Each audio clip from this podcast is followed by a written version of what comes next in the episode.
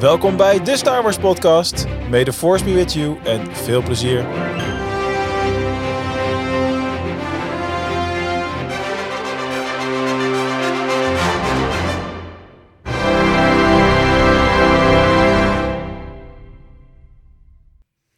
...101, dat is waar we nu zijn. Aflevering 101 van de Star Wars podcast. We zijn er weer zoals uh, elke week weer. Sinds vorige week, want uh, de zomerbreak is natuurlijk al even voorbij. En uh, we gaan vandaag een, een, mooie aflevering voor jullie maken... waarin we de documentaire Light and Magic... die al enige tijd op Disney Plus beschikbaar is, centraal gaan stellen. En dat doe ik natuurlijk niet alleen. Dat doe ik met mijn grote vrienden Ramon Moradin. Goedenavond allemaal. En Bas van Dun.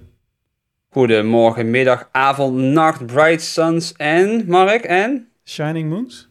Rising Moons, inderdaad. heel goed, heel goed. Jezus, ik heb dat niet meer geoefend. Uh, ik dacht, we zijn vandaag met z'n drieën, dus ik kan het wel weer eens een keertje op deze manier uh, doen, dat iedereen gewoon hallo zegt. Want ja, ja. we zijn inderdaad uh, dun bezaaid voor ons doen. We missen in elk geval Quinten, want die, ja, die ligt volgens mij kapot aan zijn gebit ongeveer, als ik het goed heb begrepen. Ja, die kreeg je niet voor ze kiezen deze week. Kim is sowieso flexibel qua aanwezigheid natuurlijk. En uh, ja, en dan missen we natuurlijk ook nog uh, Rob, onze grote vriend, want hij heeft last van het volgende. The years have made you weak. Dat is wat we te horen hebben gekregen, dus verder kunnen wij daar ook niks over zeggen. De ouderdom haalt hem in. Ja, nou ja, ik weet het niet. Ik schijn ouder te zijn, dat werd vorige week nog heel erg benadrukt, maar uh, maakt ook niet uit. um, we beginnen natuurlijk zoals elke week met ons Star Wars moment van de week. Dat heb ik weer even geïnventariseerd uh, en volgens mij was ik de enige die iets had. Dus dat schiet lekker op. Um, ja, ook maar een klein, klein moment in de zin van qua hoe lang ik erover kan kletsen. Maar uh, sinds ik terug ben van vakantie ben ik weer een beetje bezig geweest met het uh, oppakken van verzamelingen. In de zin van de Star Wars Trading Cards. Hè. Dat is iets wat ik al heel lang doe. Ik verzamel die al sinds 2002 ongeveer, dus 20 jaar nou op en af. Soms doe je dus een jaartje niks aan. En, of een keertje zelfs vijf, zes jaar kwam ik achter dat ik al zo lang niks meer deed. Maar ik heb weer wat trading cards gekocht. En het mooie aan uh, deze aankopen van de laatste paar weken was... Uh, dat ik ze op Marktplaats heb gevonden. En daar vind ik eigenlijk bijna nooit wat. Laat staan ja, leuke, toffe kaarten... zoals kaarten met een stukje kostuum of handtekening of dat soort dingen. dus voor de YouTube-kijkers, ik laat er even een paar zien. Gewoon puur uit de, de selectie. Zoals bijvoorbeeld deze trading card van Nien Nump uh, handtekeningkaart. En dat, ja, dat is bijna niet te lezen, maar van deze kaart zijn er in totaal maar 25 gemaakt. Dus dit is een van de 25 kaarten op de wereld met dit plaatje en deze specifieke handtekening. Dus Staat er ook een nummer op, welke jij dan hebt? Uh, ja, dat is een goede. Uh, 20 van 25. Ja, dat is dan jammer dat eigenlijk nummer 9 moeten hebben. Waarom? Had je echt een 9 num. Jezus. Oké, die is heel scherp. Jij bent wel heel heftig en er wordt grappen ook in, de, in onze appgroep uh, bezig momenteel. Dus uh, hou dat er lekker in, zou ik zeggen. Sowieso. Dan heb ik hier een uh, vergelijkbare handtekening qua stijl van BB-8. Een van de mensen die hem bedient. Want ja, er zit natuurlijk niemand in. Dat is Dave Chapman. En dan heb ik er één speciaal meegenomen voor Ramon. Dat is ik moet het even goed uitspreken. De actrice heet Janina. jij spreekt het, maar spreek jij dat maar even uit, Ramon? Janina Gavankar. Zie je? Dat ja. had ik geheid verkeerd gedaan. Oftewel Aiden Versio. Aiden Versio uit uh, The Game. Lekker man. Ja, dat vind jij inderdaad. Sorry, die was te makkelijk. Uh, en de laatste, dat is wel een hele bijzondere. Want uh, voor mijn gevoel heb ik hem voor een lager bedrag gekocht... als wat hij eigenlijk waard is. Dat is van... Ik weet niet even uit mijn hoofd welke serie dit is... maar deze kaart dit is dus technisch gezien geen kaart wat je hier nu ziet op YouTube. Want dat is een uh, printing plate van Admiral Radis. Admiral Radis. Admiral Radis, inderdaad. Mm -hmm. een, een, printing plate is zeg maar het, het ijzeren plaatje... waarvan ze de, in principe voor elke set één maken. En op basis van dit ding worden de kaarten daadwerkelijk gedrukt. Dus dit is zeg maar okay. de, de grondstof voor het maken van de kaart. En dat zie je ook op de achterkant. Er staat ook uh, op uh, één van één... Uh, ja, en dus dat is uh, de eerste printing plate die ik heb in mijn collectie. Dus dat vind ik wel heel erg cool. Uh, nice. Ik wist al jaren dat ze bestonden, maar ja, vind ze maar eens voor een acceptabele prijs. Dus over het algemeen niet te doen. Nee. En nu wel, dus dat wil ik even met jullie delen deze week. Dus, al, dus als wij ooit de podcast live naar Galaxy's Edge gaan doen met z'n vijf, betekent dat jij die kaart hebt verkocht, toch? ja, om dat te kunnen financieren, ja. ja, daar, daar komt het wel op neer, ja. Of ik moet op zijn minst een brandveilige kluis gaan in gebruik nemen, dat soort dingen op een gegeven moment. Ja, ja, ja. Oké, mannen. Ehm, Cool. Dat was dan het Star Wars moment van de week, denk ik. En dan gaan we lekker doorrollen, natuurlijk, naar onze wekelijkse Star Wars quiz. You must unlearn what you have learned. All right, I'll give it a try. No, try not. Do or do not. There is no try. Oké, eh, laten we eens beginnen met Ramon. Oké, eh, ik ben blij dat je mij kiest, want ik was eigenlijk een beetje bang dat een van jullie deze vraag zou hebben. Hij ligt misschien een beetje voor de hand eh, deze week, maar ik eh, stel hem gelijk aan jou, Mark, want dat krijg ik niet vaak, die kans krijg ik niet zo vaak. Ehm, hoeveel locaties heeft ILM en waar zijn die te vinden? Bedoel je als in nu, anno 2022? Yes, Oké. nou, er zal er eentje in Londen zijn. dat klopt. Er zal er eentje in Los Angeles zijn. Die is ja, verha- dat klopt Er is ook. er ook nog eentje in Noord noordelijker in Californië. Mhm. Nou, wel noordelijker, niet per se Californië. Oké. Ehm, en mijn gevoel, en nu ga ik gokken, eh, zegt dat er nog eentje is in Australië. Dat was Ja. het. Dat klopt. Had ik Kun alles jij dat goed? nog aanvullen, Bas? Heb je een idee? Is er, niet, is er niet ook een eentje in Singapore? Zeker. Ja. En dan missen jullie er volgens mij nog eentje. Die eh, zit iets noordelijker dan eh, die van San Francisco. En die zit in Vancouver, Canada. Maar San Francisco is toch ook nog in eh, Californië? Ja, toch? Dat dacht ik. Ja. En wat ik ja, ja, noordelijker in Dat zei Californië. je al. Je zei San Francisco. Nou ja, althans, ik hoorde je iets met Californië zeggen. De vijf locaties zijn inderdaad Nice. San Francisco, Singapore, Vancouver, Londen en Sydney. Ik ben heel tevreden met deze score, want ik had echt idee. Netjes. Oké, cool. Ehm, eens even kijken welke vragen. Ik heb twee vragen klaarstaan. Ik ga aan Bas een vraag stellen. En het is niet per se een onderwerp gerelateerd, dus even denken welke hij misschien niet weet. Hmm. Oké. Ik heb geen flauw idee waar ik dit gezien heb. Maar wat ik tegenwoordig doe voor de quiz, want ik kom heel vaak, even disclosure, eh, real life, on air en dat soort clichés. Heel vaak kom ik live voor de podcast en denk ik, oh, ik moet nog een vraag voor de quiz hebben. Nou, dan was ik een beetje zat. Dus elke keer als ik iets van Star Wars kijk of doe en ik denk, hey, dat is leuk, dan schrijf ik het gewoon gelijk op in een lijstje. Dus dan heb ik een soort van voorraadje. Misschien Ja, moet ik er ook even bij gaan zetten van wat dan de achtergrond ervan is of waar ik het dan in gezien heb. Dat zou misschien handig zijn. Maar goed. Eh, deze vraag is, ehm, eh, gaat over Kessel. Niet over de Kessel Run, maar over, eh, over de hoeveelheid manen die Kessel heeft. Dus dat is ook de vraag. Hoeveel manen heeft Kessel? Ik ben een tijd geleden in Kessel in Limburg geweest en die had er maar één. Ik kwam daar vroeger heel vaak. Ik heb eh, in de Star Wars eh, wereld eh, niet echt een idee hoeveel. Ik gok drie. Oké, we kunnen inpakken. Als dat ook al Ja. goed heeft op de gok, dat is toch wel vermoeiend. Heel goed. Jongen, jongen, jongen, jongen. Nou, en bedankt. Ja, We pakken Nou, in. sorry. Het zijn er drie. Ja, en inderdaad, nou, in Limburg ook één. Dat moet ik toegeven. Ik heb het Ja. wel eens gezien. ja, die heb ik gezien. Ja. Eh, ehm, Aan het water zeker. Ik stond toen niet aan het water. Nee, ik stond gewoon... eh, Wel een ijsje een gehaald bij mooi- Klevers dan op zijn minst? ik heb echt geen idee. Het is echt al heel lang geleden dat ik Oh. daar was. Oké, dan... eh, ik, zat, ik zat nog op school toen ik daar voor het laatst oh nee, dus, toen was eh, hij er nog niet. Oké. Nou heb ik een vraag en ik had gehoopt dat ik hem aan Mark mocht stellen. Want ik heb letterlijk het antwoord hiervan vandaag aan Ramon doorgegeven. Oh? Ja, Huh? dus ik hoop dat je goed hebt opgelet in de Discord. Ah. Ehm, deze week is natuurlijk de Lord of the Rings serie live gegaan op Amazon. En de soundtrack, de, de themasong wordt gedaan door Howard Shore, die ook natuurlijk de soundtrack heeft gedaan voor de films. Ja. Ehm, maar de rest van de serie wordt voorzien eh, van muziek door Bear McCreary. En Ja. die heeft in het verleden ook The Walking Dead gedaan, de Foundation-serie heeft gedaan, Age of S.H.I.E.L.D., eh, Battlestar Galactica. Maar hij heeft ook één Star Wars project gedaan. Oh, ja. Oh. En ik heb vanmiddag in de Discord naar jou precies het antwoord gegeven. Dus ik hoop dat je hebt Mm. opgelet. Dus je hebt er zelfs een hartje op gezet. Dat zag ik net. Is dat zo? Ja, oh, dat is wel. heel slecht. Oh jee, nee, oh man. Maar ik heb inderdaad je comment de zin daarover gezien, maar ik kan me niet herinneren dat je daar iets zei over Star Wars, eerlijk gezegd.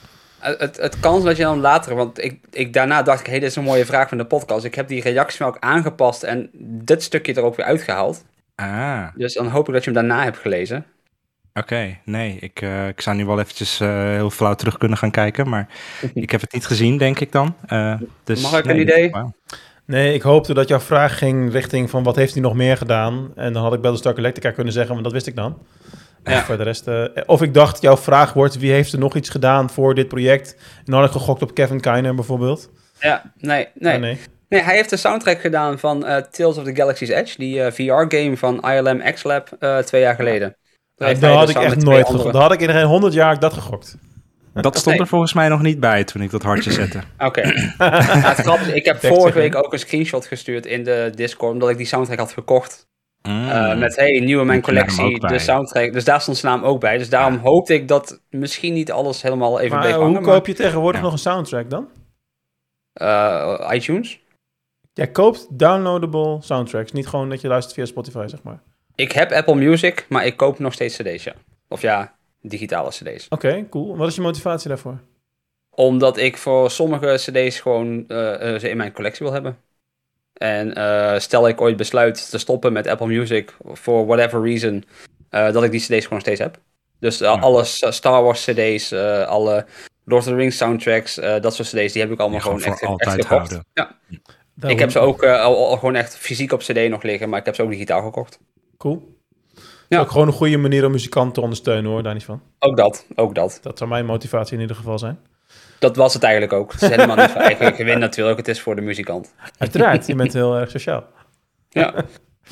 Oké, mannen. Nou, dan eh, ja, met z'n drieën ben je natuurlijk sneller door een quiz heen. Dat is logisch. Ja, Hè, dus dan eh, gaan we al lekker doorrollen naar ons eh, volgende wekelijks topic.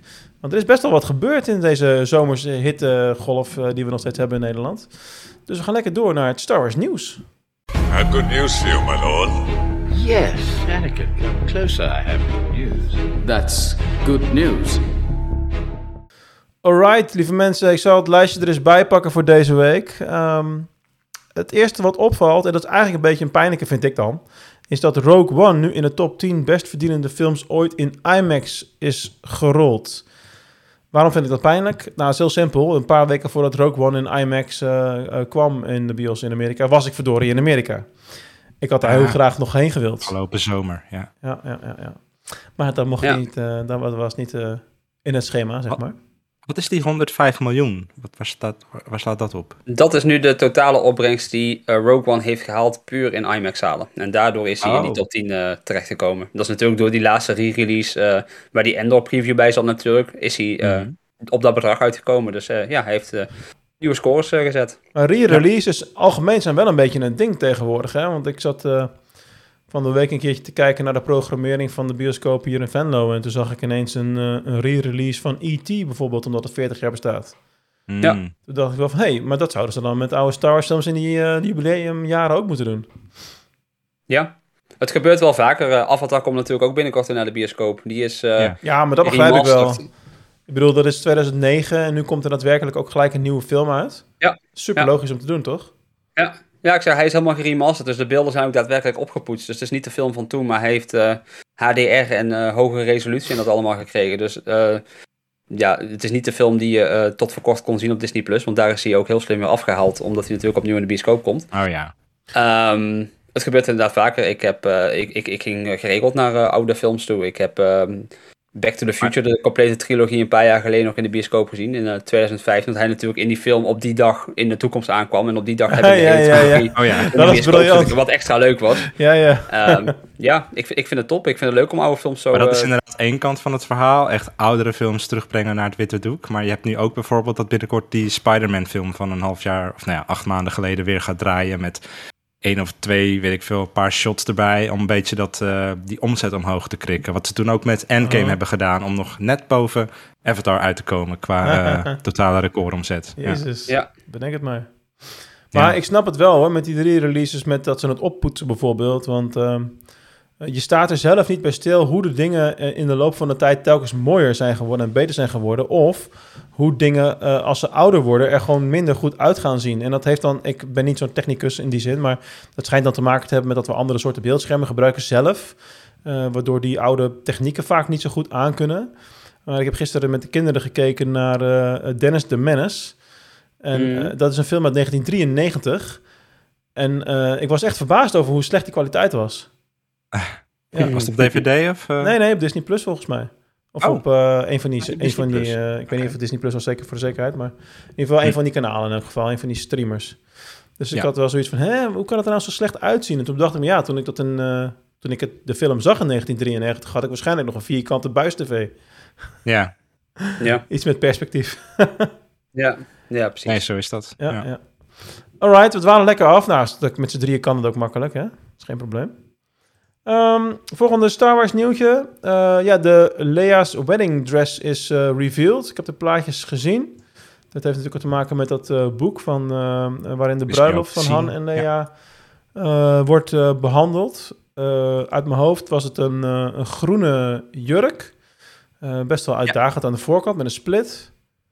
Ja, En eh, ja, eh, wel, ik vond het wel leuk eh, in de zin van eh, niet een standaard witte jurk wat je op aarde gewend bent. Maar ja, we zitten in een ander universum. Dus ja, misschien zijn die spelregels daar ook wat totaal anders. Mhm. Doet me heel erg denken aan hoe ze eruit zag op Endor Ja, absoluut. in Return of the Jedi. Ja. Ja, 100%. misschien is deze jurk ook wel eh, van een eh dood karkas door de eh Ewoks gehaald en een haar gegeven. Je weet het natuurlijk nooit. Jezus.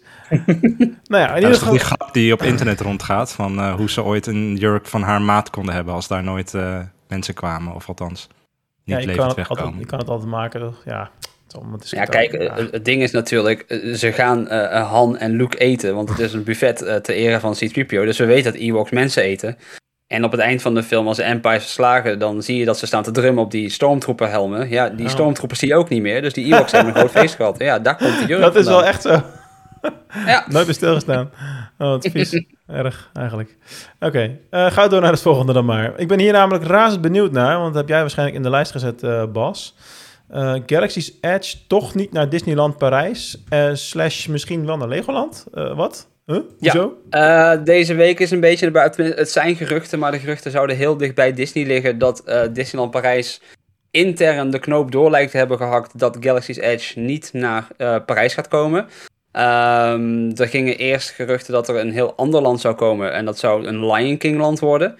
En de reden daarvan is, is dat ze dat ook zouden willen bouwen in Animal Kingdom.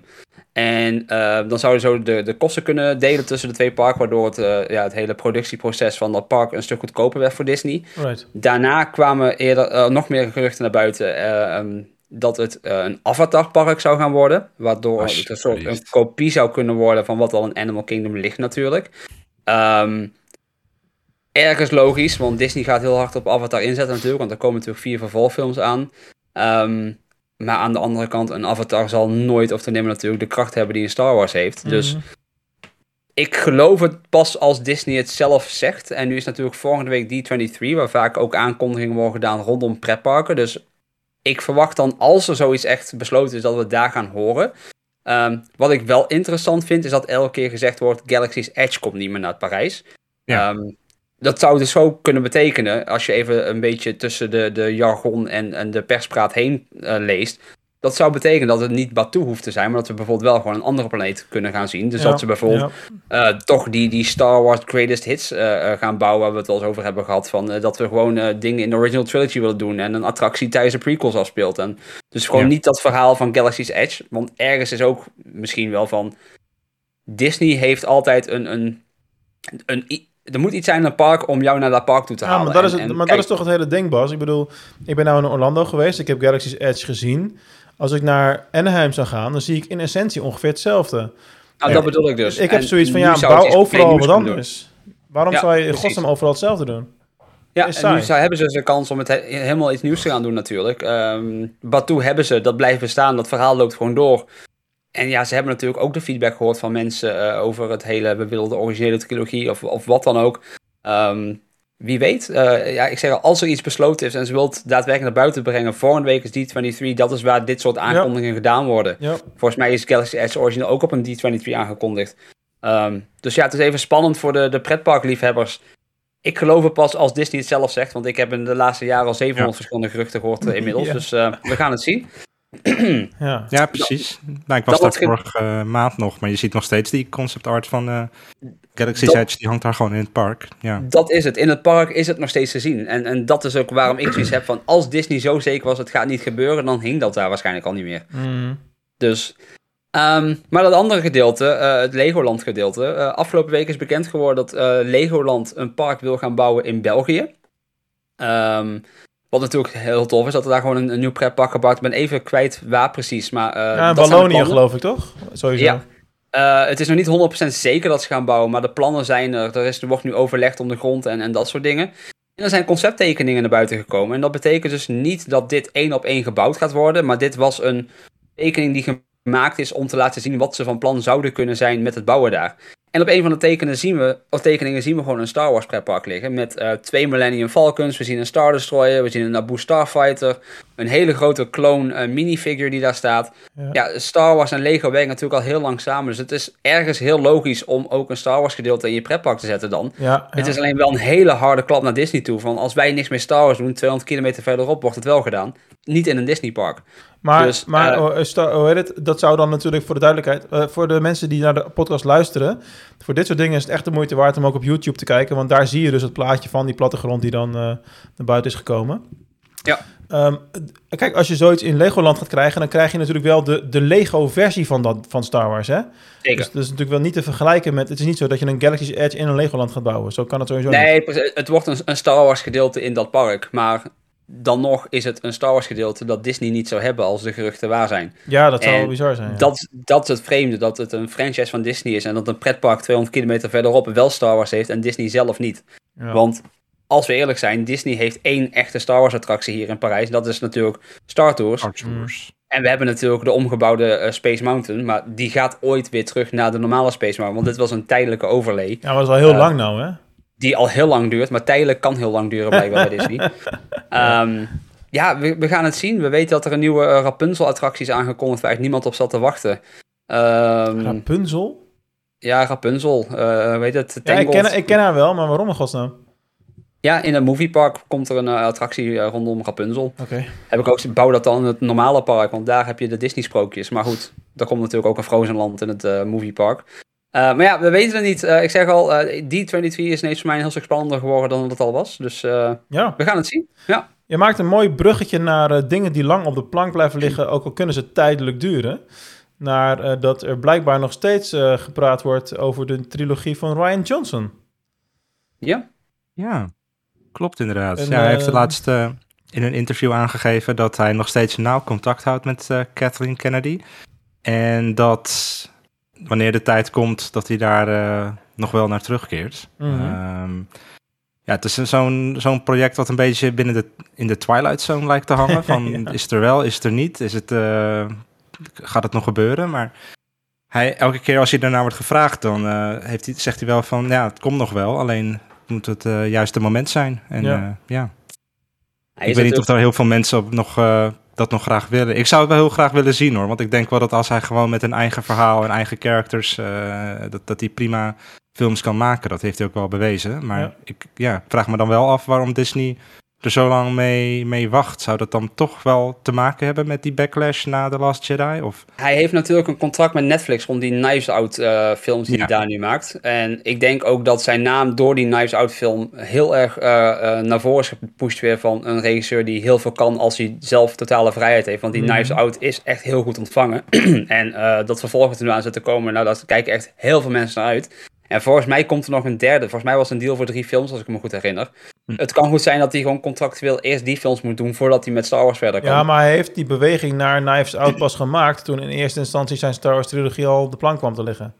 Tuurlijk, maar ik, misschien dat, dat Lucasfilm op zo'n moment ook heeft gezegd van... weet je wat, ehm, mensen vinden jou niet de leukste jongen in de speeltuin nu. Eh, we gaan even wachten, zodat die mensen in de speeltuin even zien wat er nog meer te doen is in de speeltuin... en dan gaan ze wel weer met jou spelen. Ja, Ehm, want, ehm, nee, maar serieus, eh, na zijn film zijn er gewoon Star Wars fans die zijn naam hebben uitgekost natuurlijk. En daarna Ja, zagen ze op. oh, Deze regisseur kan toch wel wat. En als hij nu terugkomt, is misschien die backlash die er toen was veel minder, omdat hij nu met andere films Ja. heeft. Want hij heeft ook naast Knives Out hele toffe films gemaakt. ja. Nou, ik vond zijn Ja, Star Wars film ook gewoon heel erg goed. Dus, eh, maar goed, dat, eh, dat even terzijde voor nu. Ja.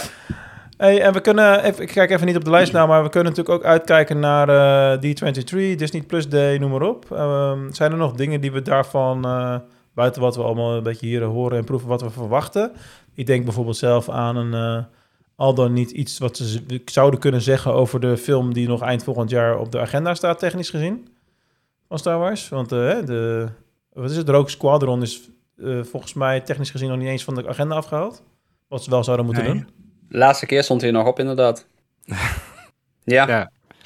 Ja, dat, gek, dat hè? zou, ja, dan zou die over, eh, wat is het, over v- 15 maanden moeten gaan draaien, terwijl nu nog geen script is. Ja, Zelfs als nee, je voor geen over- helemaal niks. Nee. voor zover wij weten. Ja, Ja, dat maar is het. je Het altijd heb je wel zoiets groots als Star Wars. Je, je krijgt wel geruchten over wie gecast is of wie auditie heeft gedaan. Dat, Misschien doen ze het wel onder een je schelnaam, zoals vroeger aankomen. met Blue, eh, Blue Harvest toen. Ja. Wie Ja. weet. Wie weet. eh, dat mi- ze iets uit de misschien, hoge hoed toveren. misschien is heel Indiana, Jo- Indiana Jones 5 gewoon één grote hoax. En is dat een afleiding, omdat er eigenlijk gewoon een, een knijterharde nieuwe Han Solo film gefilmd Als wordt. die daar eindelijk uitkomt, Indiana Jones 5, dan eh, mogen ze die andere ook wel onderhand weer terug in de bioscoop brengen. Ja. 1, 2, Maar 3. het van de week heeft, inderdaad. Afgelopen week heeft John Williams in de Hollywood Bowl voor het eerst de soundtrack van Indiana Jones 5 live gespeeld voor een publiek. Oh, Ehm, dus het feit dat hij zijn soundtrack al heeft. En hij doet dat meestal op het laatst. Want John Williams scoort met beelden. Die, die wil de film zien terwijl hij de soundtrack schrijft. Dus Ja, de film is locked wat dat betreft. Eh, doet mij wel denken dat we op die 23 in ieder geval een trailer daarvan gaan krijgen. nou dat zou ook wel Hm. tof zijn. Ja. Sowieso. Ja. Tenminste, als hij nu al de muziek... Want het was ook originele... maar Het is niet de Indiana Jones team, maar dan nu de deel 5 versie. Dat was gewoon letterlijk een thema eh, voor, voor een karakter volgens mij in de nieuwe film. Dus ja, ik denk dat we dat wel eh, hoog op de lijst kunnen zetten met eh, dingen die we echt wel eh, gaan zien, eh, denk ik. Een andere ding Ja. hoog op de lijst. Wel Mhm. of niet de Bad Batch op 28 september? Ja, dat is een goeie. Dat zullen we ook goeie. binnen een week weten, neem ik aan. Ik, ik kan me voorstellen dat je dat op zo'n, ja, misschien niet Disney Plus Day per se, maar Ja, juist wel 23 toch? Exposed zit Moet er het ook daar uitgezonden worden? Moet het toch juist daar vertellen als binnen een paar weken iets komt? Ja, als binnen een paar weken komt wel inderdaad. Ik, eh, ik weet het niet. Het is heel gek, want op de Australische officiële Disney-website, dat was gewoon een officiële website, daar stond letterlijk gewoon 28 september. En dat is niet zo lang geleden. Dat was echt twee weken geleden of zo. En ja, laatst brachten ze een- zo'n eh, highlight reel uit van eh, wat komt er op Disney Plus in september. En toen ontbrak het ineens weer. Dus dat is Ja. heel, heel vreemd. Ja, maar dat soort slordigheidjes haal je altijd. Misschien een beetje een gekke vergelijking hoor, maar ik heb natuurlijk een half jaar geleden of zo heb ik mijn bedrijfsnaam veranderd van DGOC naar Search Cobra. En nog steeds tot de dag van vandaag kom ik nog plekken op mijn website tegen waar dan toch nog per ongeluk ergens ja, maar Mark, tekst... dat doe je alleen. Met alle respect. Disney, dat zitten honderden mensen, zouden toch wel ergens zo van... eh, iemand die zo'n video in elkaar zet, dat Ja, wordt dat is van eilandjes 30 keer gehoord. bekeken Iedereen en is eigenlijk... van... Hey, Ja, maar in grote bedrijven is dat juist veel erger. Eh, je hebt heel veel eilandjes politiek in allerlei grote bedrijven. Dus iedereen kijkt vooral naar zijn eigen stukje waar hij verantwoordelijk voor is. En je wordt heel snel, en het is vaak een heel vol bord, je wordt heel snel bedrijfsblind voor allerlei andere dingen.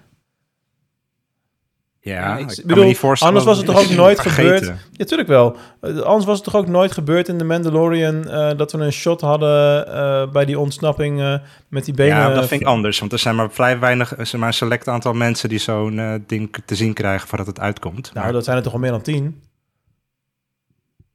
ja, dat weet ik niet. Ik denk het wel.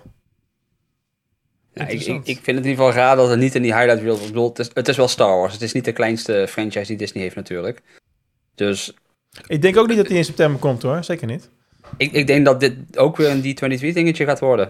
Waarschijnlijk hebben we volgende week gewoon een knijterharde nieuwe trailer. En, en staat er eh, dat die eh, ook drie weken uitgesteld is. Ehm, misschien is er wel een, een, een soort samenloop met Endor. eh, met afleveringen die overkoepelend zijn. Wie weet. Ja. En dat die daarom ook gewoon uitgesteld is. Want Endor is uitgesteld. Dus moet Bad Batch ook. want anders klopt het chronologisch niet. Of, of whatever. Verzin iets. We gaan Nou het zien. ja, ik denk ik dat we zou- volgende week ja. antwoord hebben. Ik zou het persoonlijk logisch vinden als ze het niet zo synchroon laten lopen. Want zelfs als eh, Bad Batch voor, wat zal het zijn uit mijn hoofd, 23 november of zo, dat Endor eindigt, zoiets.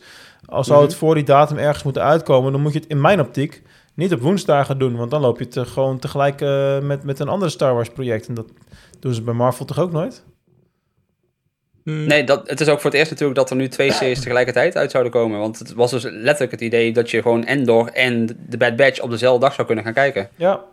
Ja. Ja, bijna ontkom je er niet aan, tenzij ze echt veel moeten gaan uitstellen inderdaad. Want we, we hebben het wel steeds over de Bad Batch, maar de Star Wars animatieserie voor dit jaar is natuurlijk Tales of the Jedi.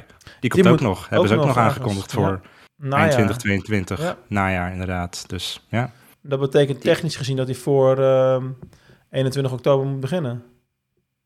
Nee, klopt niet. Eh, november. Nee, ik, ik, ik gok dat dat weer zo'n 26 december gevalletje gaat worden. ja, Fett Dan is het al winter. Dan is het al winter. Dat telt niet meer. ja. We, we hebben natuurlijk geen kerst Star Wars dit keer. We zijn nu heel erg gewend om in december The Mandalorian en de Book of Boba Fett te hebben. Maar dat hebben we natuurlijk dit jaar eigenlijk niet. Dus dan zou dit dat heel mooi kunnen opvangen natuurlijk. True, true. Ja. Ja. Nou, we wachten het eh, af. Lang verhaal kort. Als je dit over twee weken luistert, dan is het een hoop gespeculeer om dingen die je waarschijnlijk al weet. Volgende week al mogelijk. Ja. Ja, ja volgende week zal ik ook meeluisteren, want dan ben ik er zelf helaas niet bij. Ah ja. Ook dat nog. Ehm, ik weet niet waar het ligt. Is het in Engeland? Berkshire? Klinkt wel zo, ja. Oké. Nou, de Acolyte. Voor de Acolyte zijn ze begonnen met het bouwen van sets in de plaats Berkshire. Top. Top. Dus, moving on. Die- Eh, ja, die- hebben die jullie... serie komt er ook aan. Ja, dat, dat, dat wachten we nog. Dat zien we later wel, joh. Hey, ehm, hebben jullie de nieuwe clips van Endor ook gezien afgelopen week? Ja. Tenminste, ik weet niet waar je precies op doelt. Eén, er was één video van Diego Luna, die dus Cassian Endor speelt. Die legt dan uit de tijdlijn van hè, waar Endor zich afspeelt ten opzichte van Ja. Rogue One en A New Hope. Ja, Ja. Maar er zijn ook steeds meer van die ja, tv-spots, die ja clipjes. dat die inderdaad. Dingen over de serie laten zien. Er zitten niet eh, per se heel veel nieuwe beelden in natuurlijk. Hè. Dat nou ook Nee. niet. Maar je Nee. merkt wel aan het feit dat dat soort reclames allemaal beginnen te verschijnen... dat het komt dichtbij. Het gaat Ja. begin beginnen. We, we kunnen straks weer elke week een la- tijd lang hyped zijn... over wat we in die serie gezien hebben die week. En dan kunnen we het weer lekker daarover gaan hebben. Het begint weer, die hype-trein trein begint weer... eh, En hoe zit het daarmee. Mark, voor jou? Ben je een beetje hyped ervoor? Ik weet eigenlijk niet eens of je er enthousiast over bent of niet. Ik weet Eh, ja, hebt gezegd. ik- nee, niet per se. Maar ik, het is wel een serie waar ik enorm naar, eh, naar uitkijk. Omdat het gewoon... ja, van alle films is Rogue One mijn favoriet. Van alle films. Alle films? Ja. Van als- Zo. alle Star Wars ja. Ja, nee, dat is gewoon lekker rauw en bruut. En eh, wat meer eh, down to earth. En daar hou ik wel van. Dus eh, ik vond alleen het einde vond ik, ja, irritant. Want ik hou er nooit van als er een film is waarbij iedereen aan het einde gewoon doodgaat. En dan is het, waarom dan is het kijken? Waar was het voor? Er komt niks hierna. Weet je wel? dat irriteert me dan. Letterlijk één film die er meteen na afspeelt. Maar, ja, het, Ja, maar met de maar karakters. dit, die karakters. Ja, je wil weten wat er Ja. met Jin en zo gaat Ja, gebeuren. Als Dus het voordeel van deze Ja. serie is dat je weet dat ze dat in ieder geval niet gaat gebeuren. Dat is, eh, Nee. hè, dat, is dan een voordeel. Maar eh, ja, nee. dat dat als- zei Diego Luna toch ook op, eh, op Celebration dit jaar. You van, can't kill me They again. can't kill me now. ja, precies. Dus eh, ja, meestal als een serie er is en je weet dat iemand niet dood kan gaan, is dat ook wel weer soms storend, want dat maakt toch soms dingen minder spannend of zo. Maar ja, als dit iets, Tenzij je het goed doet. dat, dat maar ten, het- en als dit iets wordt, weet je, in de stijl van, eh, het, eh, van Rogue One ook echt. En, en eh, ja, ze hebben het old school opgenomen. Dat hoeft echt niet per se een slecht ding te zijn. De volume is geweldig en, en kan daardoor dingen kan je sneller maken en, en met lagere kosten waarschijnlijk. Maar ja, dit kan misschien iets beter ook de, de, de grootsheid en de schaal van dingen laten zien. Dingen die je in de echte wereld filmt. Ja, ik zag bijvoorbeeld in een van die- Zeker. in, in de tweede zie je bijvoorbeeld zo'n eh, Star Destroyer over een of ander berglandschap vliegen. Nou, dat is een berglandschap wat bekend is in de echte wereld, weet je wel. Dat, eh, ja, dat, dat zie je dan gewoon beter, zeg maar. En eh, ja, ik kijk er gewoon enorm naar uit. Het lijkt me een onwijs eh, gave serie die wat meer eh, gritty is. Ik vond ook bijvoorbeeld Solo, eh, de, oorlogsstukjes in Solo heel erg, eh, heel erg tof. Dus ik, ik hou wel Ja. meer van die stijl, eerlijk gezegd. Ja, Ja, Nee, ik, kan ik, ik las vandaag, vinden. een- ik las vandaag een denderend artikel op een website die ik hier niet zal noemen, want dan krijgt Ramon spontaan een hartaanval. maar die noemde een, eh, dus de grote problemen van Endor en de fout die Endor gaat maken is het feit dat het weer om een oorlog en politiek gaat draaien. Ja, ja, ik weet al Het- welke het, site het heet bedoelt. Star Wars, wat verwacht je? Dat, Ja. Het gaat niet eens over koetjes en kalfjes die in de wei staan te springen, eh, te wachten tot ze gemolken worden of zo. Ja, ja. Ja, Nee, die, eh, die, die site gaan we hier zeker niet noemen. Want ik zag dat Nee. bericht en ik dacht echt van... oh ja, dit is waarom ik deze site nooit meer bezoek. Mhm. Een andere site die we wel wellicht kunnen noemen... dat is misschien leuk om te lezen als je deze podcast helemaal hebt beluisterd... want we gaan het zo natuurlijk over Light and Magic hebben... is er is ook een mooie review over Light and Magic verschenen in de Volkskrant... eh, twee dagen geleden. En eh, dat is eh, ja, leuk om te lezen. Is prima de moeite waard. top. Ehm, dan hebben we tot slot, eh, wat ik nog op de StarWars.com site zag, en ik wilde, het is eigenlijk jammer dat Rob er niet is, want ik wilde het eigenlijk een beetje over merch hebben, eh, is Hm. dat er een hele pagina is weer vol met D, eh, D23 exclusives. En dat zijn allerlei soorten merchandise, van zo'n van zo'n Mickey oortjes tot aan t-shirts, Van Tatooine tot aan eh, overhemden en verzin. Echt gigantisch veel weer. Pins. Heb je die doos gezien met al die Obi-Wan lightsabers Ja, erin? ja, maar zijn Oh. dat alle... ik, ik had het gevoel dat bij een van die drie leek gewoon op... Dus gewoon het zwaard van Luke, of ben ik nou heel blond? Volgens mij, ik heb het heel snel voorbij zien niet. komen. Nee, er zit weinig haar op je hoofd om blond te zijn, Mark. Kan je niet zien? Ehm, maar volgens mij zijn het gewoon de drie lightsabers die hij in de trilogie eh, en in de serie heeft. Oké. Ja. Ja, die, die zou ik wel willen. Maar ja, stond erbij, hij is eh, echt enorm exclusief, heel erg gelimiteerd. En waarschijnlijk binnen twee minuten dadelijk weg. ja, en 500 dollar. Dus dan moet je ook maar even beleggen weer. Ja, en, en twee minuten later is hij 1500 dollar op eBay waarschijnlijk. Hij is sowieso eh, exclusief voor... de- Maar is het ook een fysiek event dan op de een of andere manier? Of is het iets Ja, van... ja, zeker. het- het is gewoon een die gaat beurs. Die was een keer te gast bij ons. Ja, die gaat Het is daar gewoon in de, in de Anaheim Convention Center, toch? Wie gaat daarheen zijn? Nee, hetzelfde als waar Celebration was. Gewoon. Ah, oké. Gewoon Nou. tegenover Disneyland in eh, Anaheim. Helemaal Dus overdag ga je naar D23 en s'avonds ga je naar Oh, Disney. wacht, dat zijn twee verschillende dingen. Disneyland en Disney World. Ja, de ene heeft een Oga's kantine en de andere ook. Fucking verwarrend, man. Holy shit. Nee, maar eh, in zijn algemeenheid wilde ik eigenlijk de discussie even aanzwengelen van... ehm, ik kan me nog een tijd herinneren, en dan, praat ik, dan ben ik ineens heel oud, dan praat ik over jaren 90 voordat Phantom Menace verscheen. Als je dan Star Wars dingen verzamelde, dan was het niet per se eh, onmogelijk om, om, om van alles te verzamelen en dat nog ergens kwijt te kunnen. Maar de hoeveelheid en de shitload aan dingen die verschijnen tegenwoordig, het is echt onmogelijk. Dus wat is nou de beste manier om Star Wars verzam- te verzamelen tegenwoordig? Hoe zou jij Ja, het aanpakken? Moet je alles willen hebben ook, weet je. En dat is Het onmogelijk, ik- dat dat, blijkt. Dat, dat is inderdaad de vraag. Kijk, ik kan me voorstellen dat je dingen koopt die je persoonlijk mooi vindt... of waar je een emotionele band mee hebt... en dat je daar een beetje een, eh, een selectie in maakt. Maar ja, als je, als je die completionist-verzamelaars hebt... die echt alles moeten hebben en het maakt niet uit hoe het eruit ziet. Eh, ik zag toevallig in de Discord deze week een, eh, een item voorbij komen... van een action figure, ik weet de naam niet eens meer... Had een soort Turkse naam. Het leek op een Wookie, maar het was geen Wookie. En Ja. en, anyway, ik zei nog van, als hij 10 cent had gekost, had ik hem gewoon voorbij gelopen. Maar hij is dus afgelopen week voor 8000 euro eh, verkocht op eh Echo Base. Dus ja, Ja, en de, en de, Dat is me net wat te en, gekke de, voor en, en de blaster van Han Solo uit de film is ook laatst geveld voor een miljoen Oh ja. of zo. klopt ja. Bizar. Ja. Ja. Ja. Maar stel, Ja. je, je, je, nou goed, Bas, jij verzamelt wel het een en ander. Wat, Mhm. wat is jouw focus? Geen. Als ik iets tegen... Nee, maar eh, letterlijk, als ik iets tegenkom wat ik leuk vind, dan neem ik het mee. Maar ik zal echt niet heel het internet af gaan struinen voor dat ene ding. Zo interessant vind ik het ook niet. En ik vind het ook wel tof dat zo'n event als D23 gewoon exclusieve dingen krijgt. Want D23 is een, een event van de Disney fanclub natuurlijk. tuurlijk, dit, is, tuurlijk. dit zijn de diehard Disney fans. Ehm nou ja, zoals die Niels, die reist letterlijk naar Amerika om daarheen te gaan. Ja, dan, dan vind- ik wel dat ze het verdienen om iets exclusiefs te kunnen krijgen, zeg maar. Dat, Ja. iets, om mee te pronken van, ik was daarbij. Ja. Mhm. Eh, daar heb ik ook helemaal geen problemen mee. Kijk, ik zou best die Obi-Wan eh, lightsabers willen hebben. Ik weet Moet gewoon, die ga ik nooit krijgen. nee, maar ik, ik weet, ik ga die nooit krijgen. En ik ga, er, ik ga er ook nooit achteraan om die te krijgen. Ehm, Ben ik volgende keer ooit nog eens een keer in Galaxy's Edge en daar ligt een Obi-Wan lightsaber, dan gaat hij mee. Ja. Maar dan kom ik hem tegen. Maar Ja.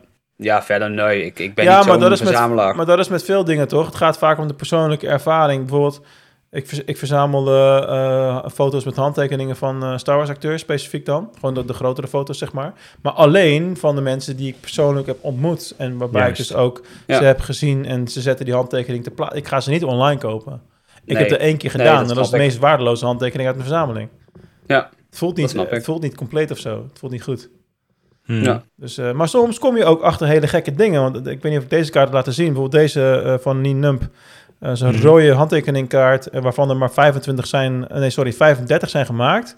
is uit de 2018 eh, Tops Archives Signature Series. En ik was hem net online aan het opzoeken. En het ding met deze kaart is. dat die zit in een soort harde. normaal gesproken dus. in een harde plastic omhulsel. met een schroefje erin. En zit nog een zegel overheen.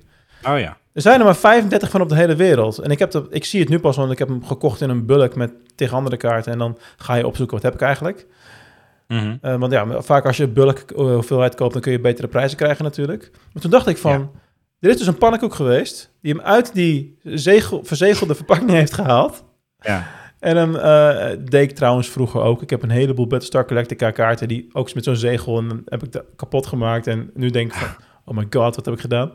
Maar goed, dan weet je dus, er zijn er maar 35 van. En ik heb er dus één die beduidend minder waard zou moeten zijn... omdat hij niet meer in die originele verzegelde verpakking zit. Mm. Dus er zijn Ja. er hooguit nog 34 in die staat. En dan ga je toch zoeken, vind ik er nog één. Ja. Dat is een Ja. beetje het ding met dat soort, eh, met dat soort zaken. Dus ja, want- focus. Bij- Bij mij is het trading cards, maar dat was wel helder, geloof ik. Ja, precies. Nou, ja, hoe, hoe, is dat iets wat je dan af en toe uit de kast pakt om er naar te kijken? Of op welke manier Ja. geniet je ervan, zeg maar? Nee, dat inderdaad. Ja. En, eh, Mhm. en, en eh, hersorteren en eh, lijsten maken met wat je dan nog wel hebt en niet hebt, wat je te ruilen hebt, dat soort dingen allemaal. Ah ja. Het zit er meer in die bezigheid. En eh, ja, als je het eenmaal hebt, ja, dan heb je het. Maar, Ja. maar dat is met alles toch, eigenlijk? Ja, jawel. Nee, maar goed, kijk, bijvoorbeeld hè, Bas had het dan, eh, zegt dan, hij heeft niet echt een focus. Nou, ik ben een paar keer bij hem thuis geweest, maar bijvoorbeeld als er een goede Funko is, dan weet ja, ik gewoon, Ja, ja. die wil die wel hebben. Dus dat zijn wel een van de dingen die, die, die hij dan verzamelt. En ik heb het weer met ehm, beeldjes of, of hot toys, eh, die ik tot voorheen ook eh, veel kocht. Maar ehm, dit, dat, dat zijn dan dingen die je letterlijk in een vitrinekast zou kunnen zetten. En Ja. waar je gewoon regelmatig langs loopt of ernaast staat om Ja. naar te kijken. Maar Ja. ik had even geen beeld erbij hoe dat dan is als je Nou kaartjes ja, kijk even, Dat, ik, ik ga de camera nog niet draaien, maar dan zie je ook een hoop andere troep. Maar ik kijk letterlijk tegen een kast vol trading card mappen aan. Elke dag, continu. Dus Ja. ik kijk regelmatig. Ja. Zo simpel is het. ah, cool. Ja. Ehm, Oké, eh, volgens mij zijn we door eh, alle nieuwtjes heen. Tenzij, eh, hij kijkt me wel heel schuin aan. Meneer Bas er nog eentje heeft? Ik heb een heel kleintje nog deze week. Ehm, Hasbro heeft nieuwe ehm, Black Series toys aangekondigd deze week.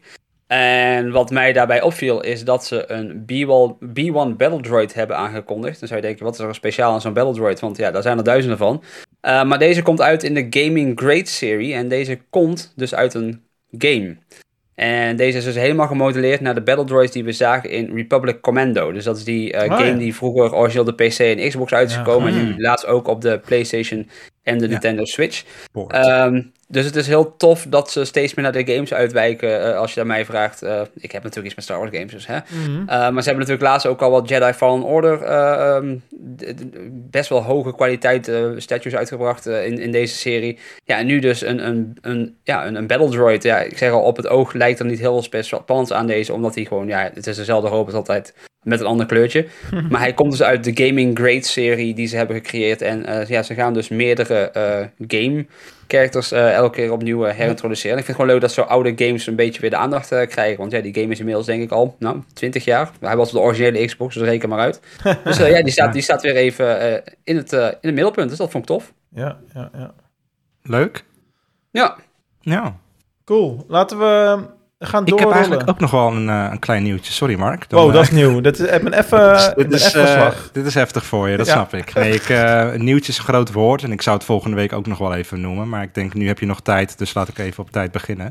Ik had het vorige week natuurlijk over Endor prijspakketten die we via Star Wars Awakens weggeven. En eentje geven we weg omdat we op vrijdag 16 september een eh, Rogue One Rebellion quiz organiseren binnen onze community. Dus Kijk. lijkt het je leuk om eh daaraan mee te doen, dan eh, kun je een prijs winnen. Dus ga naar starwars.community en, en doe mee. Nice. Leuk. Yes. Star Wars.community. We moesten hem nog even pluggen natuurlijk vandaag. Moest ook nog even ertussen. Ja. Ik zou het bijna vergeten. Oké, eh, mannen. Het is tijd om naar ons eh, hoofdonderwerp eh, te gaan. Of het thema, het haakje van deze week, hoe je het doen wil. Want over het algemeen kletsen we net zo lang over het nieuws als over het onderwerp van die week. Maar dat zijn de luisteraars onderhand al gewend van ons.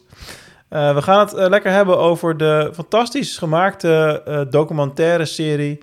van, ja, zal het zijn, zes uur of zo uiteindelijk. van Ja, Light zoiets. and Magic over ILM, het ontstaan... Ehm, de reis eh, ja, die ze hebben afgelegd in de loop der jaren, de, eh, de conflicten die er waren, eh, tot aan waar ze nu in feite staan. En, Ja. ehm, ja, eh, laat ik eens, want Bas heeft zich waarschijnlijk zo goed voorbereid dat hij duizend dingen daarover te melden heeft. Maar laat ik eens beginnen bij Ramon. Wat vond je ervan? Oh, ik vond het heel tof. Ik, eh, ik vind het echt fascinerend om te zien hoe ze van niets iets hebben kunnen maken. En van dingen die nog niet mogelijk waren te bedenken van nou, hoe maken we dit dan, weet je wel. Het is letterlijk het verhaal van George Lucas die een visie had, een idee en ehm, is gaan shoppen, rond gaan kijken van nou, is er ergens een bedrijf, zijn er mensen die dit kunnen doen? Want eh, ik, heb, ik heb een bepaalde visie, maar er was eigenlijk niemand die kon uitvoeren wat hij eh, voor ogen had. En ehm, ja, toen is hij dus ehm, een bedrijf, heeft hij een bedrijfje opgericht met eh, een groep mensen die eh, hem daar mogelijk in eh, kunnen helpen. Iedereen zo zijn eigen expertise, of het nou is met modelbouw of juist camerawerken, dat soort dingen. Dus heel, heel tof. Ik vond het begin van de documentaire heel leuk, omdat je echt die persoonlijke band met de mensen kreeg. Doordat ze ook te horen kreeg. Niet alleen hoe ze ehm, bij ILM, wat ze daar hebben gedaan, maar ook daarvoor. Hoe hun passie is ontstaan voor het filmmaken. En hoe ze op jongere leeftijd al eigenlijk met elkaar in contact uh, raakten. Want het is best wel een kleine vijver. Je, komt steeds, je kwam steeds dezelfde mensen tegen in die, uh, in die tijd. En um, ik moet wel zeggen dat naarmate de documentaire vorderde, het is super, super leuke, super goede documentaire, maar de laatste twee afleveringen had ik wel zoiets van, mm, het voelt een beetje gerust of zo. Het was opeens prequels, even vijf minuten en toen twee stapjes en ze waren alweer bij de Mandalorian in 2019. Ja, dat, dat, dat, vond ik heel gek. Dat, ik, vond, ik vond vooral het gat van het ontbreken van uh, de sequel-trilogie uh, als uh, thema waar je wat langer bij stil kan staan, zeg maar. Ja, dat ook, ja. Maar goed, uh, misschien gaat het vooral om de innovaties en de mijlpalen die ILM als bedrijf heeft uh, bereikt. En dan kan ik me voorstellen dat dat vooral de eerste 25 à 30 jaar uh, zijn, zijn geweest. Ik, ik heb ervan genoten. Ja. Is that so? Dat vroeg ik me dus af, omdat... Uh, Zeker zo. Ik probeer hem serieus te gebruiken, maar dat blijft heel moeilijk. Ik vroeg me dat wel af, want zijn er dan geen mijlpalen geweest tussen Revenge of the Sith en wanneer The Force Awakens is gemaakt? Dus toch ook nou, Ik miste bijvoorbeeld iets van Avatar of zo, want dat is oh, volgens mij ook ILM geweest, maar... Weta. Ah, oké, oké. Nou, daarom dus. nou, dat helpt. Ja. Nee, ja, dat, ja. Nee, maar wel, wel het lijkt alsof het einde een beetje gerust was of zo. Dat ze zoiets hadden van, oh chips, het moet volgende week af zijn, die docu. en uh, we hebben, ja, we moeten eventjes, hup, hup, hup. Knip, plak, knip, plak. Maar, ja, ik, snapte die, uh, ik snapte dat verhaal over de Mandalorian en Volume natuurlijk wel uh, dat als, als, als speerpunt, als aandachtspunt. Maar ja. Uh, ja, er zal toch tussen Revenge of the Sith en Force Awakens echt wel het een en ander veranderd zijn. Want ze hebben bij die sequel-trilogie echt niet zoveel met die, zo extreem veel met die greenscreens en die bluescreens gewerkt als bij de prequel-trilogie ik, ik denk dat dat zo is gedaan omdat het daar de hele tijd voorborduur is op dat wat je hebt. En wat ze nu heel duidelijk lieten zien is eigenlijk, je had twee ILM's. Je had de, vroeger de workshop, waarin mensen letterlijk een Millennium Falcon in elkaar aan het knutselen waren voor een blauw scherm. Hebben een camera er langs laten vliegen. Volgende, komeet, zelfde baan, camera er langs. Tweede komeet. En, nou, en dat doe je 624 keer. Dat combineer je op één filmframe en je hebt ineens een Millennium Falcon die over een komeet vliegt. En wat ze heel erg duidelijk maakte was, de computer heeft alles veranderd. Um, de workshop werd steeds minder interessant natuurlijk. Alles ging digitaal, CG uh, was makkelijker. Uh, want je kon gewoon je shots draaien zoals je wilde. Wil je net iets aanpassen, dan kon dat ook. Anders moest je heel dat model opnieuw gaan bouwen. Vooral als je natuurlijk dingen doet die uh, ontploffen of kapot gaan. Je moet heel dat schip opnieuw bouwen. Terwijl op een uh, computer doe je gewoon even uh, terug naar de vorige render en opnieuw ontploffen. Ja. Um, dus daar is gewoon heel veel veranderd. En ik denk dat vanaf het moment dat die CG, wat ze dus eigenlijk met Jurassic Park heel goed lieten zien.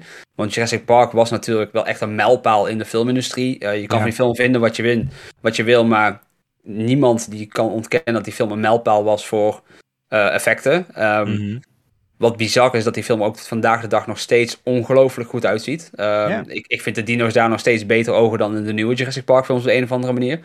Um, en daarna is gewoon heel vaak de, de CG en de animatie is gewoon verbeterd. Maar het is wel steeds hetzelfde gebleven.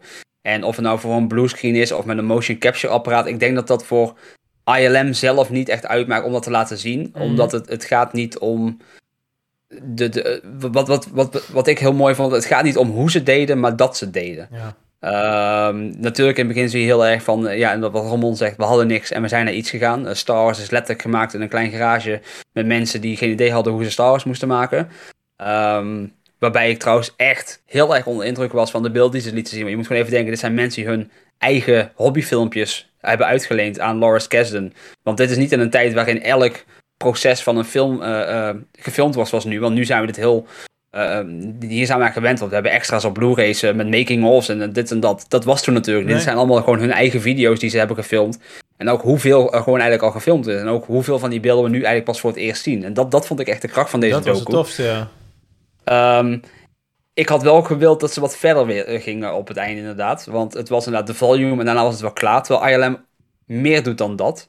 Um, ik noemde net al uh, eh, ILM X Lab. Ze zijn heel erg op virtual reality in aan het zetten. Daar wordt eigenlijk heel weinig over gezegd. Terwijl dat ook in de filmwereld steeds interessanter gaat worden. Ook in het filmmaakproces. Want ehm, als je bijvoorbeeld kijkt naar, eh, ehm, ik noem een, een film als Lord of the Rings. Die gevechten werden eerst helemaal in de computer gemaakt. En Peter Jackson is in virtual reality. En die is in virtual reality met een bezemstil. Dat zou zijn camera zijn. Is hij in virtual reality door die scène heen gaan lopen. Zodat hij camerastandpunten, of camerastandpunten kon bepalen. Die daarna dus echt gemaakt werden. Ja. Daar is ILM heel erg op aan het inzetten. Ehm, daarnaast dat ABBA-concert bijvoorbeeld, waarbij we eh, ABBA op een podium zien optreden met digitale avatars, of avatars in hun geval. dat, heeft, dat heeft ILM ook gedaan, dat concert. Dat is gewoon helemaal door ILM eh, gedaan. Daar, daar wordt de- dat is de, de nieuwe technologie, dus het, het ILM buiten de film om, daar hebben ze heel weinig over laten zien. Mhm. Ik hoop heel erg ook echt dat hier nog meer afleveringen van gaan komen. Ik denk het niet, want het is wel echt een, een serie met een begin en een eind. Ja, joh. Maar ik hoop wel dat over een paar jaar dat er eh, meer afleveringen komen. Want dit was echt een docu die... Nou, ik heb hier echt van zitten genieten. Er zijn een paar documentaires op Disney die ik echt iedereen aan wil raden. De eerste is bijvoorbeeld die Imagineering Story over de bouw van de Disney parken zelf. Met, met Ja. Walt Disney en zijn plannen en zijn visies. Nou, die documentaire kan ik elke dag kijken. Ja. Ik, ik, ik, ik geniet daarvan. En dit is ook zo'n documentaire. Ook als je niks met Star Wars hebt, of misschien Precies. zelfs niks met films hebt, is dit een hele interessante documentaire. Omdat proces, maar vooral, wat vooral echt van de beelden afspatten, en dan vooral bij de tijd van de Original Trilogy, de liefde die hun hadden om zichzelf steeds te verbeteren. En ehm, goed niet goed genoeg te vinden. Maar altijd, het kan beter, het kan beter. eh, budget, ja, jammer, gaan we overheen. Maar de shots worden beter. En dan vooral met de druk die erop lag. Want het, het, het was echt, toen ze het zeiden in de documentaire, dat de studio ehm, de hele battle eh, bij Yavin wilde schrappen. Omdat de aanval op de Death Star te duur zou zijn om te maken. Ja, ja. De- Denk je eens in, een Star Wars film, gewoon een nieuw hoop, die stopt op het moment dat, dat ze ontsnappen van de Death Star. Dat was ineens ja, de studio het einde. Er was geen Mhm. gevecht op de Death Star. Dat ding is niet ontploft. Stel, stel je eens voor dat doorgedrukt was. Dat, dat is toch gewoon ondenkbaar. Dat is een van de meest iconische filmscènes aller tijden geworden. Mhm. En, en Ja. als je dan hier ziet, het is letterlijk gemaakt door een paar hippies met een kleine camera die op blote voeten over een Death Star lopen. Terwijl ze een klein rotje laten exploderen en daar heel snel met de camera overheen. Ja, het- het- ik vind het echt. En, die, en die, die film wordt nog steeds geëerd. Ik zag van de week een meme eh, voorbij komen op social media over eh, Top Gun Maverick en hoe die eigenlijk onwijs gespiegeld is aan een nieuwe hoop. Ik had echt zoiets van, oh, dus daarom vond ik dat een goede film. In de bios. Ja. Ik had er helemaal niet bij stilgestaan. Ja, ze, ze klonen eigenlijk inderdaad de aanval van de, de Death Star. Ze, ze vliegen door een kleine trench inderdaad en ze moeten Ja. ergens een bommetje ingooien. Maar het is natuurlijk met heel veel dingen. Het is natuurlijk met heel veel dingen zo, hè. Tuurlijk. Ja, En die moesten ze twee George bommen ingooien. Oh, oh, de- twee bommen, hè. Dat is toch een verschil. Nee, maar Ja. deze documentaire, ik zeg al, het- het- ik vond het geweldig om te zien. Ehm, sowieso het creatieve proces van films is iets wat mij altijd heeft geboeid. Dat is ook de reden waarom Mhm. ik film en animatie heb gestudeerd op school. Eh, ik, ik heb ook een paar jaar geleden op Celebration eh, Doug Chang ontmoet, die ook in deze documentaire flink aan bod. Oh Ja. Nou, ik heb daar een heel tof gesprek mee gehad, eh, omdat hij... We hebben het gewoon met z'n tweeën gehad over de Naboo Starfighter. Heel, heel stom. Maar was, ik wist gewoon, hij heeft die ontworpen en ik heb met hem daar even over staan praten over... Want ik, ik had wat gezien volgens mij op de extras van de, de Phantom Menace DVD. Over hoe hij die lijnen en de, de, de, de oude sportauto's een beetje in dat schip wilde Mm. verwerken. En, en ik vroeg gewoon aan van hoe ben je daarop gekomen? Nou, dan komt daar zoveel passie uit, uit zo'n Ja, persoon. En, ja, ja, en- ja. En, Ja. Maar dat is wat we vaak vergeten bij films. Het is heel vaak. ehm, Disney heeft een film gemaakt. En bij het woord Disney hebben heel veel mensen meteen zo'n heel groot bedrijf voor zich. Met allemaal Ja. mannen in pakken die alleen En maar geld willen verdienen. Ja, ja. Maar dit maakt zo'n film zo persoonlijk. En als je dan de gezichten erachter ziet. Heel veel van die gezichten kende ik. Want ja, ik volg ILM natuurlijk al heel lang. Maar als je dan ziet wat ze hebben gedaan om. Ja, het, het is gewoon letterlijk. Ze hebben daar maanden lopen zwoegen. Mhm. Voor, voor een shot van drie seconden. Letterlijk, als je een keer met je ogen knipt, dan, dan, dan, dan zie je het gewoon. Dan moet, dan ik, hebben ze dan moet ik heel hard aan gewerkt. Dan moet ik heel hard denken aan die scène die van, eh, in Dennis de Menace die ik gisteren gezien heb. Dat ik- dat- in- in de synopsis, het verhaal is dat die, eh, de buurman van Dennis heeft al een, een of andere plant gekweekt met een bloem. En daar heeft hij 40 jaar mee bezig geweest. En die bloeit dan op één avond. En dat is maar heel kort. En dan eh, verwelkt hij en dan is het nooit meer, zeg maar. En eh, Ja. precies vlak voordat hij te bloeien begint, eh, wordt die buurman afgeleid door die Dennis natuurlijk. En twee seconden, drie seconden kijkt hij niet en hup, het is klaar. Mist het precies. Mhm. Echt zoiets is het inderdaad. Ja. Ja, ja, ja. ja. Nee, wat Bas zegt inderdaad, daar zijn ze dan zo lang mee bezig geweest. En daarom vond ik het ook zo mooi dat ze het stukje van de overgang naar CG hebben ze laten zien. En wat dat voor effect had op al die modelbouwers die opeens geen werk of weinig werk of in een andere functie moesten werken of opeens moesten leren om met een programma om te gaan wat ze niet kenden of het Mhm. programma zelf ontwikkelen. Hè? Want ik wist bijvoorbeeld ook niet dat Adobe Photoshop daaruit Ja, is eh, dat vond ik verrassend. ontstaan. Ja. Inderdaad. Ja, super interessant. En ehm, later, ik weet nog wel bij The Force Awakens, de making of, dat J.J. Abrams er zo op heeft gepusht van we moeten weer teruggaan naar de basis van film maken, practical effects. En wat jij net zei, Mark, nu zit ik zo te denken en ik denk van ja, eigenlijk hebben ze daar helemaal niks mee gedaan om in ieder geval daar iets over te vertellen, weet je wel? Van dat, dat die overgang weer een beetje is teruggegaan en dat ze nu meer een soort mix doen van practical en eh, CGI. Dat, Nou ja, eh, je, je, had nog wel, je had nog wel een shot van, en daar was ik verbaasd over, de, dat de Razer Crest bijvoorbeeld als model is gemaakt. En die zit ook gewoon in de serie. Ja. Ja. Dus dat is wel weer terug naar old school. Dat is cool. Maar ook in, in, in Rogue One, die, die, die Star Destroyer die je ziet, ehm, die, die, waar die, als die dish in die Death Star wordt geplaatst, dan zie je zo'n Star waar die schaduw op komt. En die is super gedetailleerd, die Star Destroyer. En dat komt als ze een model hebben gemaakt, die hebben ze ingescand. Maar Oh, dat is dus ja. gewoon letterlijk een gemaakt model. Dat, Ja, dat, ja. dat ding is fysiek Het is gewoon gemaakt. gebouwd, ja. Ja. ja. Eh, Omdat daar gewoon zoveel detail in... En dan, ja, dan scannen ze het in 3D in en dan heb je het gewoon meteen. En, en dat gaat waarschijnlijk een stuk sneller dan om zelf modelleren. Want modelleren, dat kost best wel veel tijd natuurlijk. Ja. Ehm, ja, ik, ik vind het fantastisch. En vooral de eerste afleveringen zijn natuurlijk heel erg Star Wars. Maar dat is logisch, want dit bedrijf is opgericht om Star Wars Mhm. te maken. Ehm, Ja. Maar ja, als je inderdaad gewoon op een gegeven moment laat ze een beetje de films zien die hun hebben gedaan. En dan Terminator 2, eh, Mhm, dat, dat, ja. die, eh, dat die bad guy daar zo, zo liquefied. tralies en, loopt. Door die tralies loopt. En Kim, zei, Kim zat naast me en die zei... Ja, maar zo spannend is dat toch niet? Ik zou nemen wat hier technisch gebeurt. Het feit dat hij daar doorheen loopt, maar dat dat wapen achter de tralies vastblijft en die daarna meegaat. Moet je gewoon denken, ze hebben dus gewoon even een persoon die aan de ene kant staat met een wapen in zijn hand door een tralies laten gaan, terwijl het wapen blijft. Dus dat wapen is fysiek aanwezig, zou je denken. Dat is voor nu, dan zeg je, hey, Niet meneer, heel boeiend, meneer ja. animator, hier heb je een foto van die gast, zet hem in een scanner en over een week hebben we een shot. Ja, en hun hebben letterlijk uit moeten vinden hoe dit moest. Hoe dat moest, ja. En dat, dat gebeurt natuurlijk nog steeds bij films. Er zijn nog steeds films die, die eh, eh, eh, de, de, de, de effectenmannen echt uitdagen. En stom om hem weer te noemen, maar Lord of the Rings was zo'n film. Avatar was zo'n film. Dat zijn wel films die, wat je er ook van mag vinden, op dat gebied echt de filmindustrie een stap verder brengen. En Mhm. ja, ILM heeft daar gewoon heel enorm veel aan bijgedragen. En tegenwoordig Weta eh, van Peter Jackson is daar ook een hele grote in geworden natuurlijk. Ehm, Ja. Ze werken ook vaak samen, ILM en Weta, aan dezelfde films. Ehm, maar eh, niemand zal ontkennen dat eh, ILM de, de grootste en misschien ook wel gewoon de belangrijkste is in heel deze industrie. En dat, dat Mhm. ook voor heel lange tijd zal blijven. Ja. Ja. Ja, goed gezegd. Ehm, Wat vond jij ervan, Mark? ja, ik vond het heel, ik vond het heel interessant. Eh, heel, heel, heel- ik bleef gewoon de hele tijd heel geboeid kijken. Normaal ga ik tien andere dingen doen met mijn telefoon of zo bij een docu. Maar eh, het was gewoon super interessant. Ook gewoon om te zien hoe die, eh, hoe die groep ontstaat binnen ILM. Dat het gewoon een soort klein bedrijf is met een vriendengroep die ook gewoon, weet je wel, vrijdagmiddag bier gaat drinken met elkaar. En blijven ja, ja. pizza bestellen en hobbyen en dat soort shit allemaal. Dat is gewoon mooi om, om te zien hoe dat, eh, hoe dat begonnen is en hoe dat vorm krijgt. Hoe dat steeds ja, professioneler wordt en groter wordt, waardoor automatisch als een team groter wordt. Ik heb het in het bedrijfsleven ook wel eens meegemaakt. Ik, werkte ooit bij een bedrijf en dan waren we met 20 man of zo, maar op een gegeven moment ging het naar 50 tot 100. Ja, en dan zie je gewoon dat binnen zo'n managementteam, eh, ik was op een gegeven moment nog de laatste van de oude garde, want ik kon wel meegaan en veranderen en heel veel anderen wilden dat gewoon niet. Die hadden hun plek gevonden en hun plek veranderde en dan zijn ze tegen de verandering. En dat zie je bij eh, dat ILM ook. Weet je wel, een aantal mensen gingen wel mee naar, naar het digitale en een aantal mensen dachten van ja, ik kan geen modelbouw meer doen, dan uh, stek erin.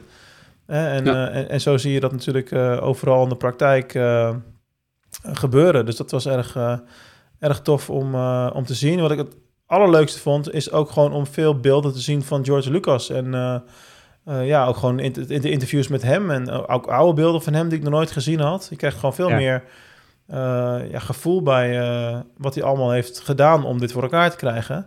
Mm. En eh, ja, als ondernemer, ik bl- blijf dat haakje maar maken vandaag, maar dat is gewoon wat je ziet. Je ziet gewoon een keihard werkende ondernemer die alles op alles zet om iets te laten slagen en van niets iets creëren. Ja, dat is puur zang ondernemerschap.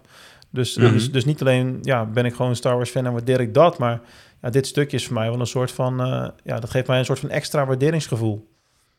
Ja. Ik vond het ook heel erg tof, want ik, ik denk niet dat heel veel mensen die daar niet echt heel erg in de materie hebben ge- gezeten van tevoren, dat ze weten dat Pixar eigenlijk ook gewoon voort is gekomen uit dit. Uh, Mhm. Want Pixar was natuurlijk gewoon eigenlijk Lucasfilm Animation ook gewoon tot die uh, divisie eh, verkocht is omdat eh, George Lucas eh, verder geen interesse had in, in animatiefilms op dat moment en dat Ja. soort dingen. En toen heeft hij het verkocht aan Steve Jobs, die natuurlijk op dat moment net niet meer bij Apple eh, bezig was. En die dacht, nou, hier kunnen we misschien wel wat mee. Ehm, ja, en die hebben natuurlijk Toy Story gedaan. En Ja. ook op dat gebied, eh, eh, ik bedoel, de, de digitale animatiefilms. Ja, daar, daar is Pixar eh, heer en meester. Maar dat is dus eigenlijk ook gewoon uit ILM voortgekomen. Mhm. Dus dat is ook een onderdeel dat we eigenlijk niet zomaar mogen vergeten. Want ook op dat gebied eh, is dit gewoon, gewoon eh, ja, ja, ja, top-notch natuurlijk. Zo is dat. Zeker. Eh is een ander een- ding wat ik nog wel wilde aanstippen, ik weet alleen even niet hoe het heet, misschien weet een van jullie dat, is dat er ook een redelijk recent een andere documentaire serie is verschenen, waarin onder andere de ex-vrouw van George Lucas regelmatig aan het, aan het woord komt. Hebben jullie daar iets over gehoord? Ja, Marta, bedoelt. ik weet niet of dat op Hulu was of op Paramount. Dus ik, eh, ik, ik google hem even. dat is een andere, ik, ik loop de tijd wel vol heel. Dat is een andere docu-serie waarbij je, je eigenlijk gewoon een soort ander licht aan weer krijgt. Ik heb hem zelf nog niet gezien, maar in een van de internationale shows die ik luister, hebben ze hem een paar keer behandeld.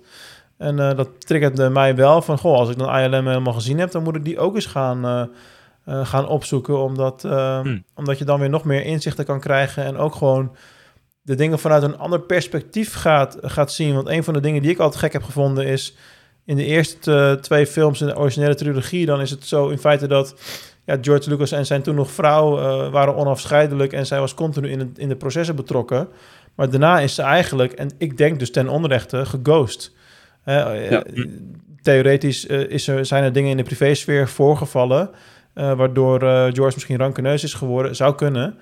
Maar dat ja, staat voor mij los van eh, welke bijdrage zij heeft geleverd aan hoe het Star Wars-universum is geworden, wat het eh, geworden is. Dus dat vond ik wel, eh, moest ik wel even Als je de, de, de- hoe heet die documentaire die ook op Disney Plus staat, eh, die 2,5 uur durende, die toen bij de Original Trilogy DVD ook bij zat. Empire Divided. Oh ja. Eh, nee, nee, dat is eh.